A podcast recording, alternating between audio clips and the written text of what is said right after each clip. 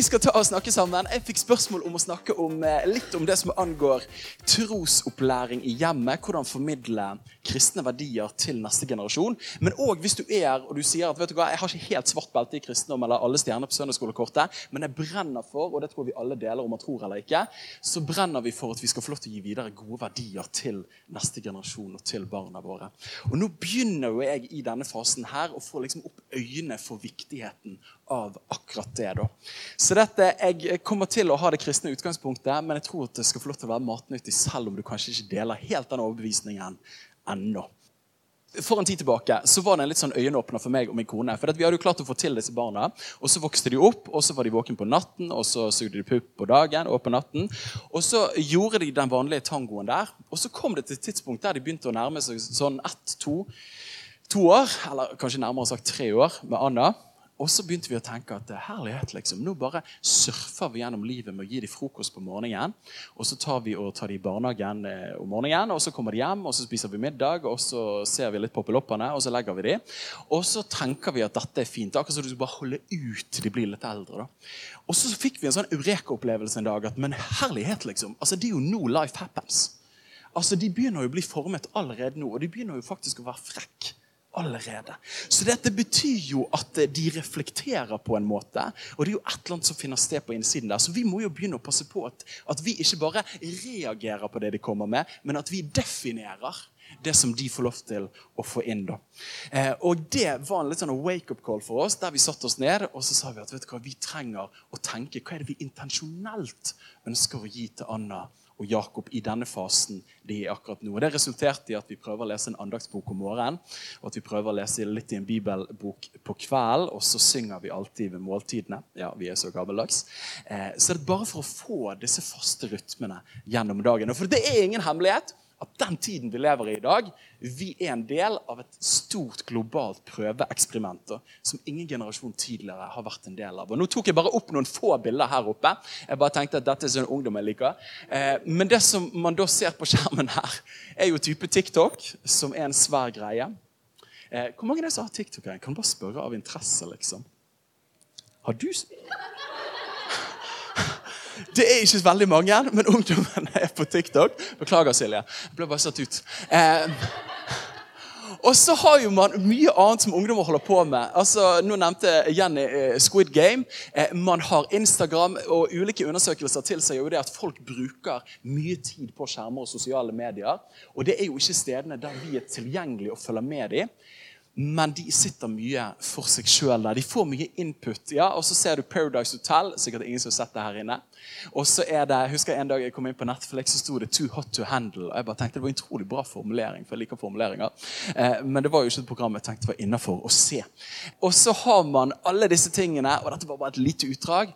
Og så hadde du Finn Skårderud i 2014 som coinet dette begrepet generasjon prestasjon. Så det er akkurat som det er så utrolig mange stemmer og det er så mange dilemmaer og utfordringer som dagens unge, ja faktisk ikke bare de som er konfirmant og eldre, men faktisk ganske langt ned i alder, møter av inntrykk som tidligere generasjoner aldri ville ha erfart. Hei, du. Visste du at Mammas hjerte er en del av Tro og Media? For å lære mer om tro og media, så kan du søke opp på tromedia.no, eller følge oss på sosiale medier. Men hva er det vi egentlig snakker om her? Jo, jeg tror vi egentlig snakker om livsmestring. Men hva er livsmestring for noe? Når jeg utdannet meg til å bli lærer, så studerte vi læreplaner. Er det noen som er lærer her inne? Det er sikkert ganske mange. Eh, helt korrekt. Du, Det var artig. Det minte meg på en historie. Herdis. Kan jeg få lov til å dele den? Det går bra? Jeg, altså Dette er en digresjon, da, men det er sånn jeg henger sammen. Eh, for Forrige uke så var jeg i Trondheim og prekte på en sånn lærertilstelning. Da. Og Der var Herdis òg, eh, på Kristenpedagogisk nettverk. Og Så skal jeg få hotellromnøkkelen min.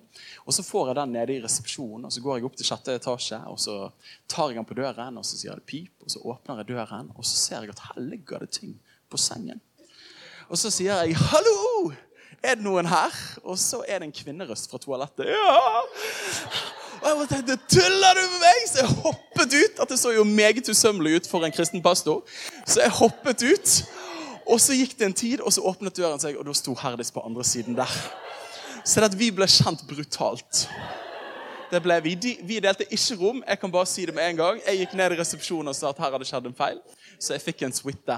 Eh, så dette, det var ikke så ondt at det ikke var godt for noe. Men tenk om du ikke hadde vært på toalettet. Det kunne blitt veldig rart. Men sånn er det. Men uansett, Da var jeg blant de lærerne forrige uke, og da snakker man om livsmestring. Og hva er livsmestring for noe? Jo, det er jo veldig mye man kan definere det som. Ut fra Kunnskapsløftet som kom i 2020, så definerer man at livsmestring er en av de store oppdragene som man ønsker for generasjoner som vokser opp i skolen.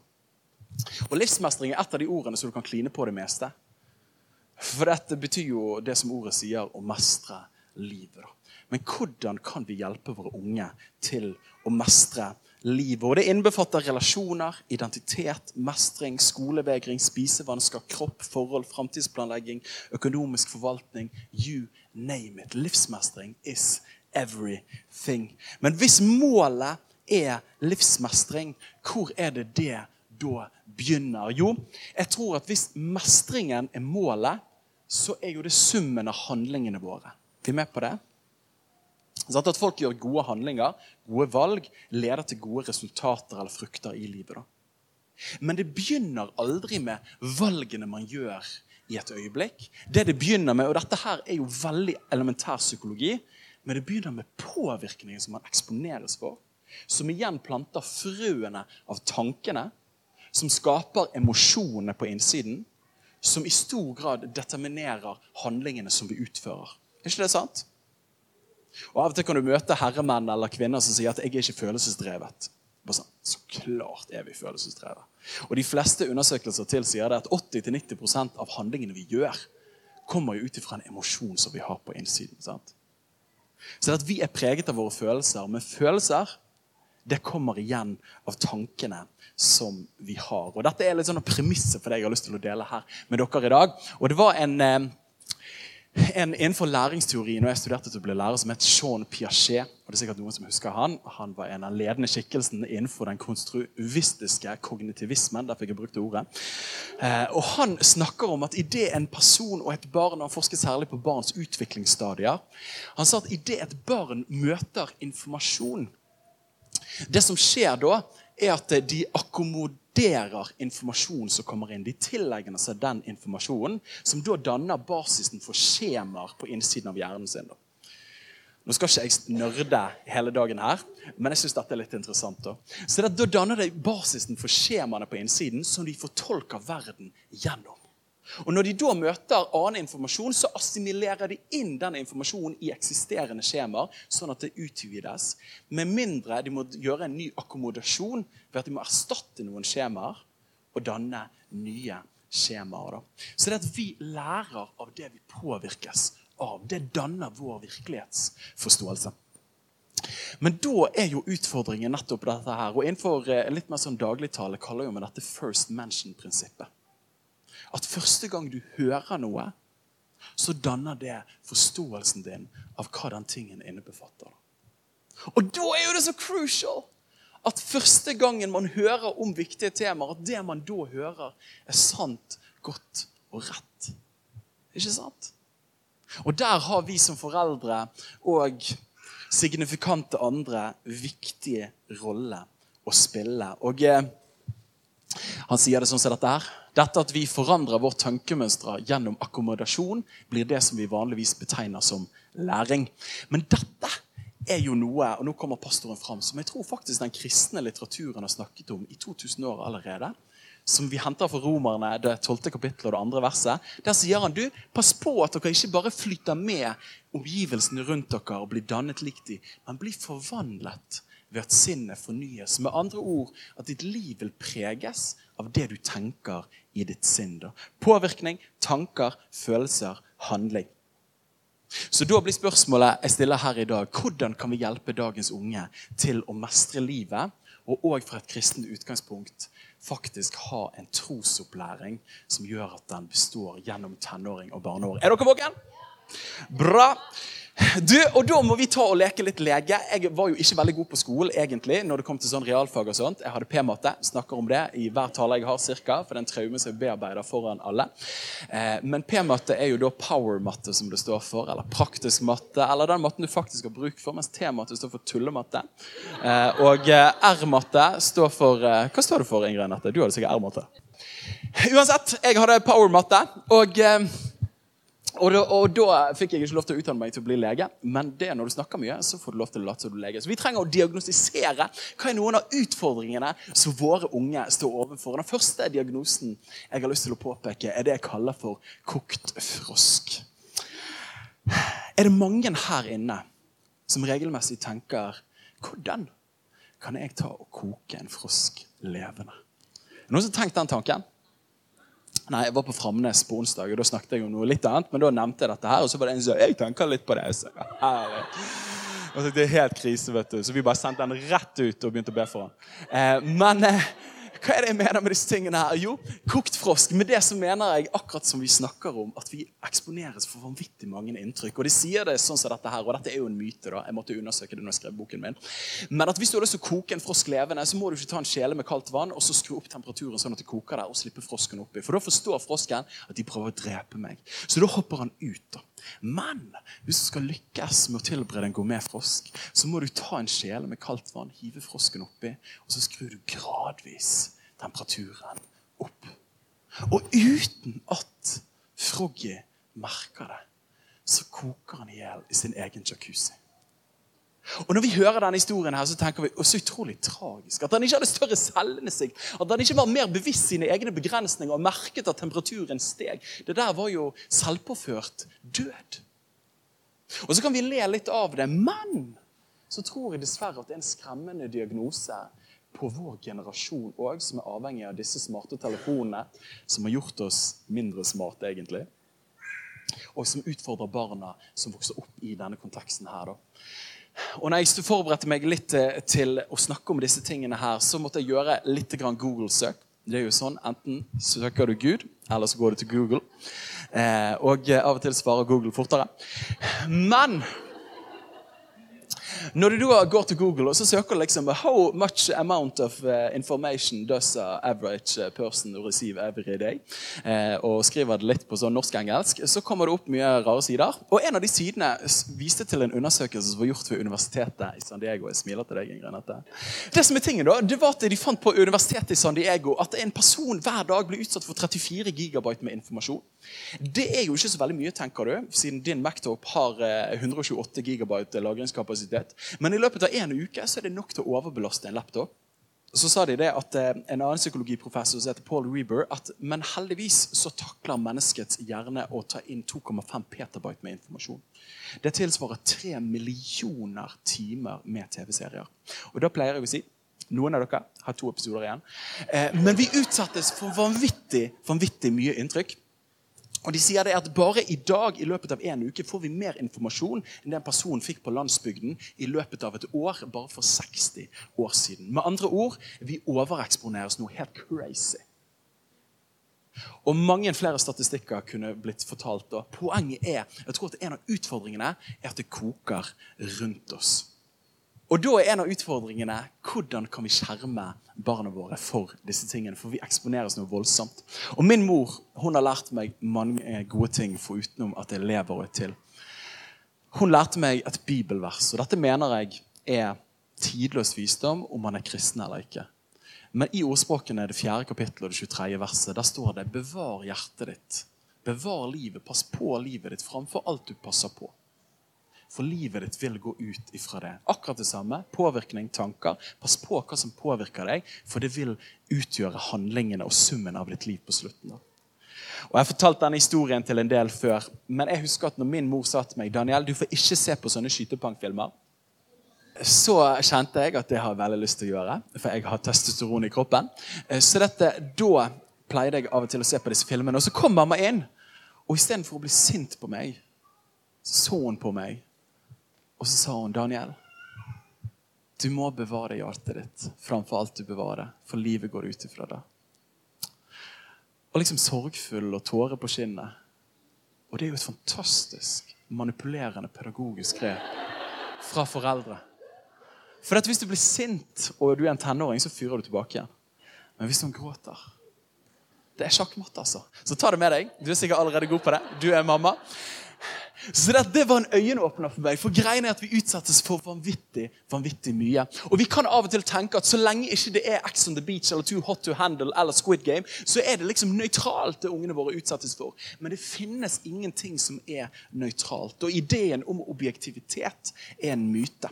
Og Min datter Anna hun er veldig glad i denne filmen her, som handler om Anna og Elsa. og det er jo Frozen. Og I denne filmen så har jo de en anthem som er La oss synge sammen. Let it go, let it go. Can't hold it back anymore. Yes! Og så tenker vi, og den er utrolig catchy. Og dette er bare ett eksempel. Men vi synger jo disse sangene uten å tenke noe særlig over det. da. Men slutten av denne sangen her, av dette verset, hva står det der? No right, no wrong, no rules for me. I am free. Det er jo tull!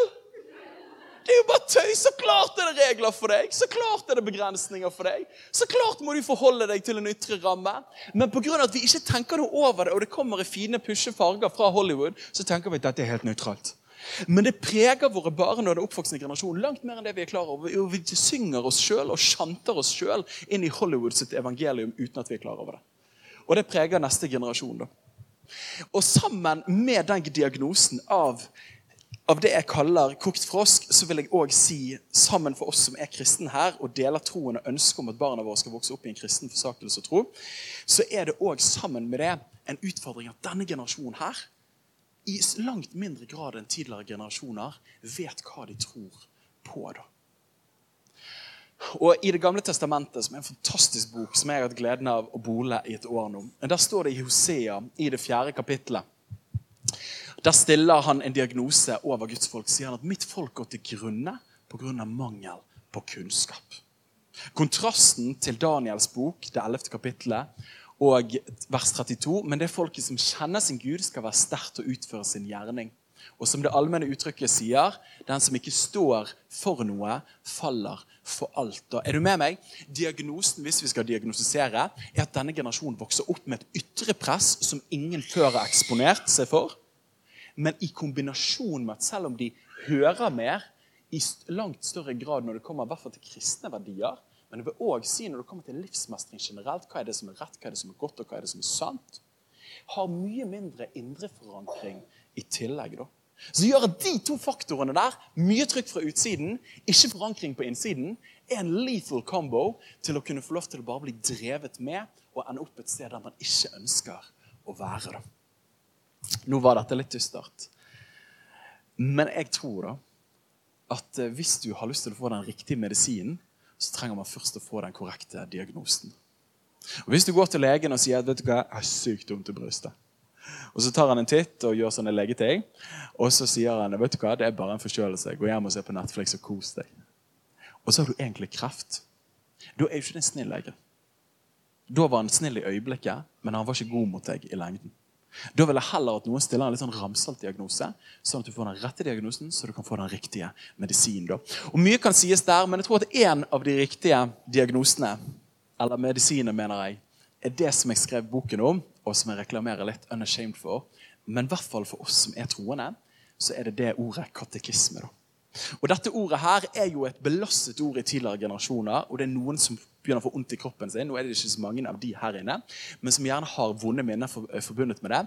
Men det er tanken bak katekisme, og det betyr helt enkelt undervisning. da. Og Hvis du leser de gamle testamentlige tekstene, så var Gud da kjempetydelig på at den oppvoksende generasjon måtte få vite hva man trodde på. Og Det var liksom regler han ga til den oppvoksende generasjonen eller til foreldrene deres. var at Dere må huske å fortelle de som vokser opp, hva Gud har gjort for de tidligere. Da. Og Jesus snakker om og det å lære neste generasjon Lær de å, å, ta vare på alt de har befalt dere i Matteus 28. Og Den kristne kirke har drevet med disse tingene i alle år. Inntil de siste 20-30 årene. For da var ikke det så veldig kult lenger å drive planmessig trosopplæring. Her er tanken min, da. At vi erfarer det da.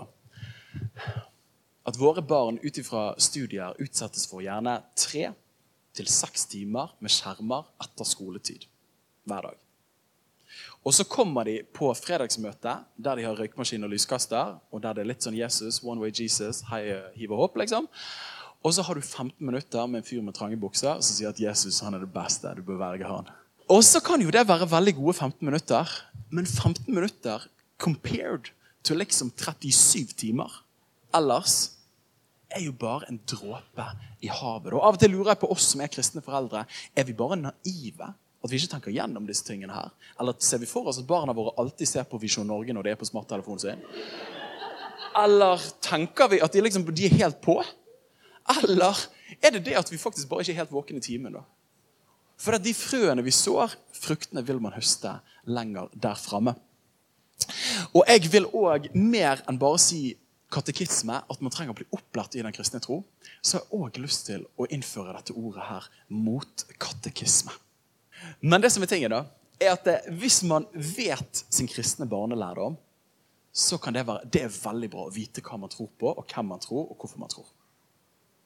Men å vite at Abraham ble begravet i Makpela-hulen, som du kan lese om i første Mosebok, er jo helt konge å vite når du spiller bibelquiz. Men å vite det, og samtidig se på TikTok at her er det en som er født som gutt, som velger å skifte kjønn til jente Det å da vite Abraham ble begravet i Makpela-hulen så det, det, har ikke så mye å melde inn i den situasjonen. Er dere med meg? Så at, hva skal jeg tenke? Jeg vet egentlig ikke helt i møte med det. Derfor, Det er ikke nok å bare vite de kristne sannhetene for oss som ønsker å oppdra den neste slekt. Men vi må òg hjelpe dem til å tenke kristent i møte med alle omstendigheter i livet og problemstillinger som møter vår generasjon. Og Her leste jeg en historie for en tid tilbake om en som var en katolsk prest, fader Kolokovic. Og Han levde under andre verdenskrig, og han flyktet fra, jeg tror det var fra Slovakia til Kroatia. For han ble forfulgt av Gestapo, nazistene i Slovakia. Så han måtte flytte til Kroatia. Og når han kom der, så så han at uh, dette var 1943, at nazismen var på hell, at de begynte å gå tilbake. Og så kom Den røde armé fra Russland. Og så tenkte alle at dette her kommer til å bli liberti. Endelig kommer russerne, nazistene borte. Det kommer til å bli helt amazing. Det kommer til å bli et liv på charterferie i forhold til nazismen. Men så var han litt våken og så forsto han at nazismen er en form for totalitarisme. De kommer og krever total underkastelse. Men han var våken nok i timen til å forstå at når nazistene forsvinner, så kommer det bare en annen form for totalitarisme som kommer til å være brutal bare på et annet vis. da. Og Det han forsto da i møte med den katolske kirke, var at disse prestene med lange, hvite kjoler Det er alltid rart at prester skal gå i kjoler, synes jeg. Men at de da skal gå i de fine kjolene og sitte på de fine hoffene sine. Og så forsto han at det kommer ikke til å være motstandsdyktig mot den kommunismen som kommer til å komme inn som en bølge. Og Det han da gjorde, var at han dannet små grupper. Det som vi av og til i kirken kaller for huskirker eller life-grupper. bare at de var litt mer intense enn oss. Og så lagde de seg et slagord, og det var See, judge, act. Og hvis vi oversetter det til nynorsk, så blir det se, tenk og lev. Takk for letteren. Det var ikke alle som var våken der. Men det er altså bokmål. Hva er tanken? Jo, det var at utfordringen som man møtte på, var at eh, det var viktig å observere det som fant sted i sin samtid. Vi må ta det inn. Og Der kan det være utfordring for oss kristne av og til særlig, at vi gjør som strutsene, stikker hodet ned i sanden og tenker at dette skjer ikke. Dette skjer ikke. 1950-tallet, så mye bedre. Salige visshet, minst du sangen. Bring it back. Åresalg. Hei hvor det går. Sant? Eh, det kan vi ikke gjøre. Vi trenger å være i tiden. da. Så vi må se, vi må observere, vi må ta inn det som finner sted. Så vi må snakke med barna våre, en oppvoksen slekt. Og så det var så herlig i dag tidlig, Nå deler jeg mer enn min kone har sagt det greit. Men i dag tidlig så, så dusjet vi. Eller ikke jeg, jeg dusjet ikke. Min kone dusjet. Og så kom barna. Det hørtes liksom veldig vulgært ut der. Men vi alle dusjet, for vi pleier å gjøre det hver lørdagsmorgen. Det er kjempekjekt. Nei, det gjorde vi ikke. Eh, men de dusjet. Og så kommer liksom kiden og sier eh, Jakob vet du, bare sånn Hva er greia med sånn tissefant? Og han bare ser ned på seg sjøl, fram og tilbake og propell og hei og hopp. sant? Og så kunne jeg være der med min kone og bare se på at hun forteller Jakob, du er en gutt. Du er skapt med en penis, og du har to testikler under der. Og han bare Wow! Er det sant? Jeg bare Det er sant. Du er velsignet. Og så å snakke så naturlig om de tingene. Apropos first mention. da. Men å kunne snakke om disse tingene helt naturlig og ta inn over seg det som skjer. Og når de da kommer hjem fra barnehagen og sier at hei, det er noen som skal få baby i barnehagen, Joel skal bli storebror, hvordan går det an? liksom? Og da kunne sitte seg ned med de, og vi alle har gjort det. Og sier du, du vet at det Salmos høysang, Jakob. Der står det mye vakkert. Men det er ikke et bilde på Kristus og menigheten bare. Her snakker vi erotikk. Neida. Eh, man går ikke inn den døren der. Men man sier at kvinner har én type. Og så, ja, dere kan jo dette, jeg skal jo ikke ta det foran dere. Det blir veldig rart, men OK, da. ok, Jeg skal fortelle dere hvordan det funker. Jo, altså, det er Nei. Eh, uansett. Man må se, man må observere det som skjer. Ta inn problemstillingene og gledene. De skal ha barn. Hvordan fant det? Jo, det finnes en jentetiss det finnes en guttetiss, og når du har ring på finger og hopper i bing, så kan de ta og få barn sammen. da. Og med hva er det som skjer der? Vi erkjenner det observerbare rundt oss, problemstillingene som er rundt oss, som opptar oss, og som vi er nødt til å erkjenne. Men så tar vi steget videre, og som fader Kolokovic hjalp disse katolske kristne til å tenke. Vi må ta inn over det som skjer, men så må vi lære oss å judge. Og vi sier på norsk, tenker liksom Å dømme er jo liksom negativt ladet ord på norsk. Men å tenke fra et kristent ståsted Hvordan bedømmer vi dette som finner sted her? Og på bakgrunn av det så kan vi begynne å leve på en måte. da. Men å bare liksom pumpe dem med kristen kunnskap men ikke hjelper det å applisere den til dagens problemstillinger. Det blir litt som å komme inn i kirkene, som dessverre ofte er en tidsmaskin. I det du kommer inn der, så gjør du masse greier, og Israelsflagget hiver opp. hei. Og så kommer du ut igjen, og så er man like sekulær som alle andre. Fordi man klarer ikke å koble mellom tro og hverdag. Ja. Viktig. Denne trakten her har jeg bare forelsket meg skikkelig i. da. For det det handler om, det var at det var en misjonær som het Paul Hibert, som dro til India. Og når han kom ned til India, så tenkte han at her trenger folk å become Christian. Så at han prekte evangeliet og sa at you need to believe in Jesus Christ, and then you will have eternity together with him. Og så ble halve India frelst. Nei, det blir ikke så mange. de er veldig mange folk. Men så ble det kristen. Og så hadde de nye konverterte da, de skulle ha julespill ca. den tiden som er her. Og så begynte de å fortelle om Maria og Josef og Jesusbarnet. Og det så kjempebra ut. Det var bare så lovende. Og så holdt de på, alle de vestlige misjonærene satt der nede. Og så plutselig på slutten så hoppet Santa Claus inn i juleevangeliet. da. Og han var med der og bar rundt på Jesusbarnet. Og disse misjonærene bare sånn Herlighet, hva som skjer her, liksom? Og så kom de ned til dem, og så sa de etterpå Hva, hva, var det dere drev med der, liksom? Har vi eh, Og så de bare Nei, altså, dere har jo gitt oss Jesus. Men dere har jo òg gitt oss julenissen. Henger ikke de sammen, liksom? Og Poenget hans var det at ofte finner det sted en synkretisme. da som er et fint ninjaord som betyr religionsblanding. Og så kan vi le litt av det og bare herlighet visste ikke at de ikke måtte blande kortene. Men før vi ler for mye, så tror jeg det er en av utfordringene våre òg. At vi er litt kristen, og så er man litt sekulær. Poenget sa han, at det finnes akkurat som ulike nivåer. Første nivået er ytre handlinger og praksiser og fra et kristent ståsted at man blir døpt, at man leser i Bibelen, slutter med umoralsk oppførsel og knapper igjen den ekstra knappen etter man blir kristen, så man ikke frister noen til fall. Liksom Gjør de ytre tingene. Nivå nummer to er trossystemer, at jeg holder det for sanntidstingene. Men så er det grunnleggende nivået at man har en kristen forståelse av hele verden. Og Som ungdommer forstår bra, er troen bare en app i livet, eller er det selve IOS-operativsystemet? Jeg har lyst til å ende på dette verset her. Ordspråkene, denne gamle visdomsboken fra det 22. kapittelet, sier det seg liksom med dette her at lær den unge den vei han skal gå. Så viker han ikke fra den selv når han blir gammel. Er ikke det bra sagt? Og jeg tenkte på dere når jeg kom inn her i dag. Og eh, som en god kristen så ba jeg. Og Herre, hva er, er noe du har på hjertet til disse? da? Og Da kom et litt sånn banalt bilde til meg. Heng med meg. Det er liksom, det er ikke, et maniac-bilde. Men det er akkurat som jeg slo meg at, at den du er Og dette er klisjé, men det er sant. Den du er, er det beste for barna dine. Den du er, er det beste for barna dine. Og jeg vet sånn, som pastor i en småbarnsmenighet at noen av fedrene der er akkurat som jeg pleier å si at, at, at, kvinner er født til å være mødre, menn må formes til å bli fedre. Det kan være at dere er uenige med meg, men uansett. Men noen av de mennene i Passion er bare født til å være fedre. de også. Så jeg kan kjenne meg litt sånn her, jeg kommer til kort i møte med dem. Sånn, De, hele lørdager, Det er ingenting som er bedre enn hele lørdager bare være sammen med barna og leke på gulvet. Bare sånn, vi har bakedag i dag. Jeg fikk amnesti til å komme inn her. Og det er jo ikke sånn sorg. Det er jo, for meg er det litt sånn her Ja.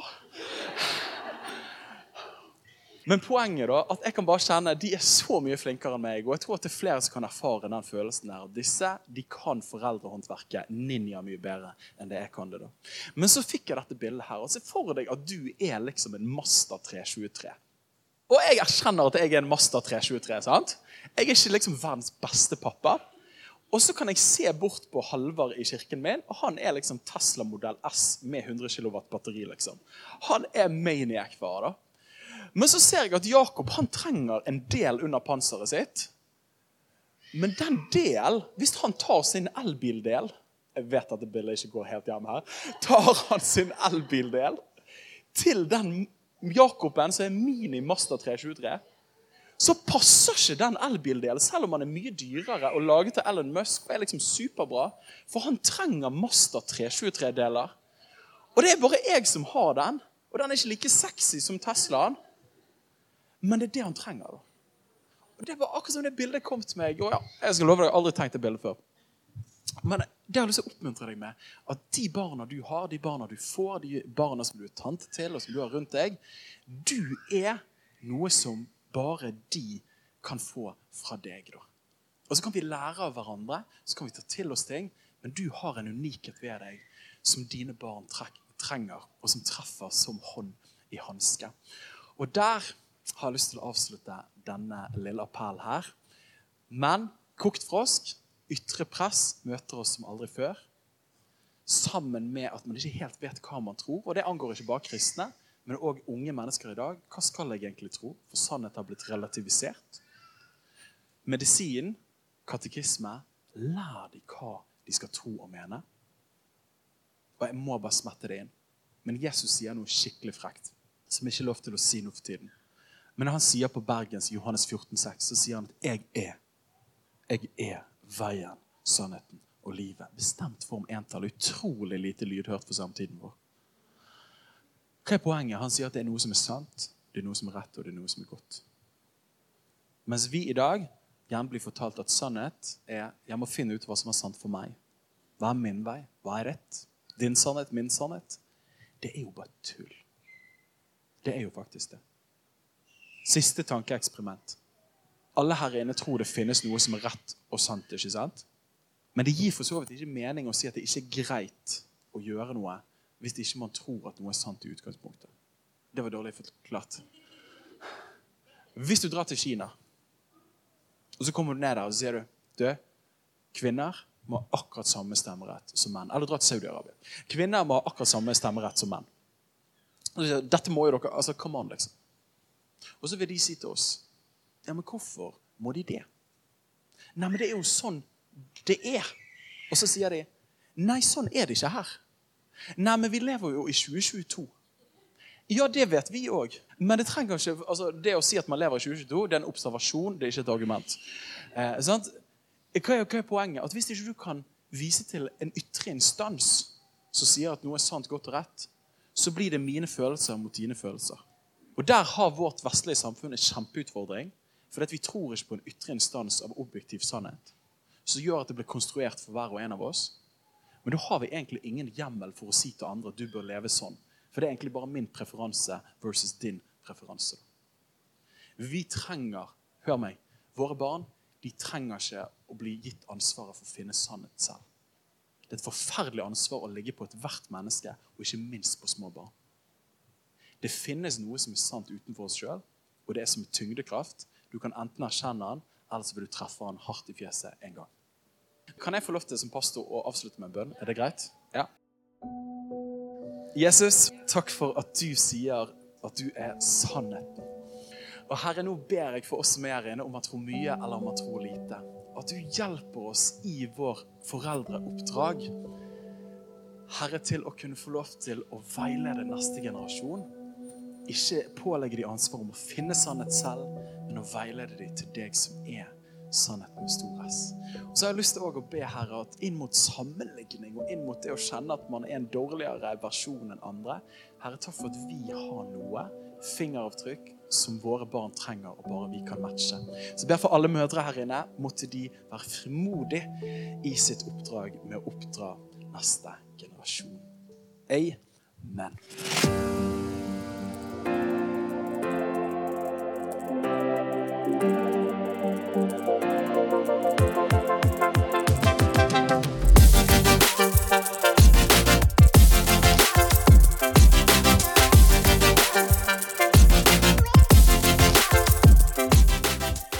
Har tilbakemeldinger, tanker eller spørsmål etter det vi har snakket om i dag, så skriv inn til post alfakrøll mammashjerte.no. Vi svarer alle mail. For å lære mer om Mammas hjerte kan du besøke vår nettside mammashjerte.no.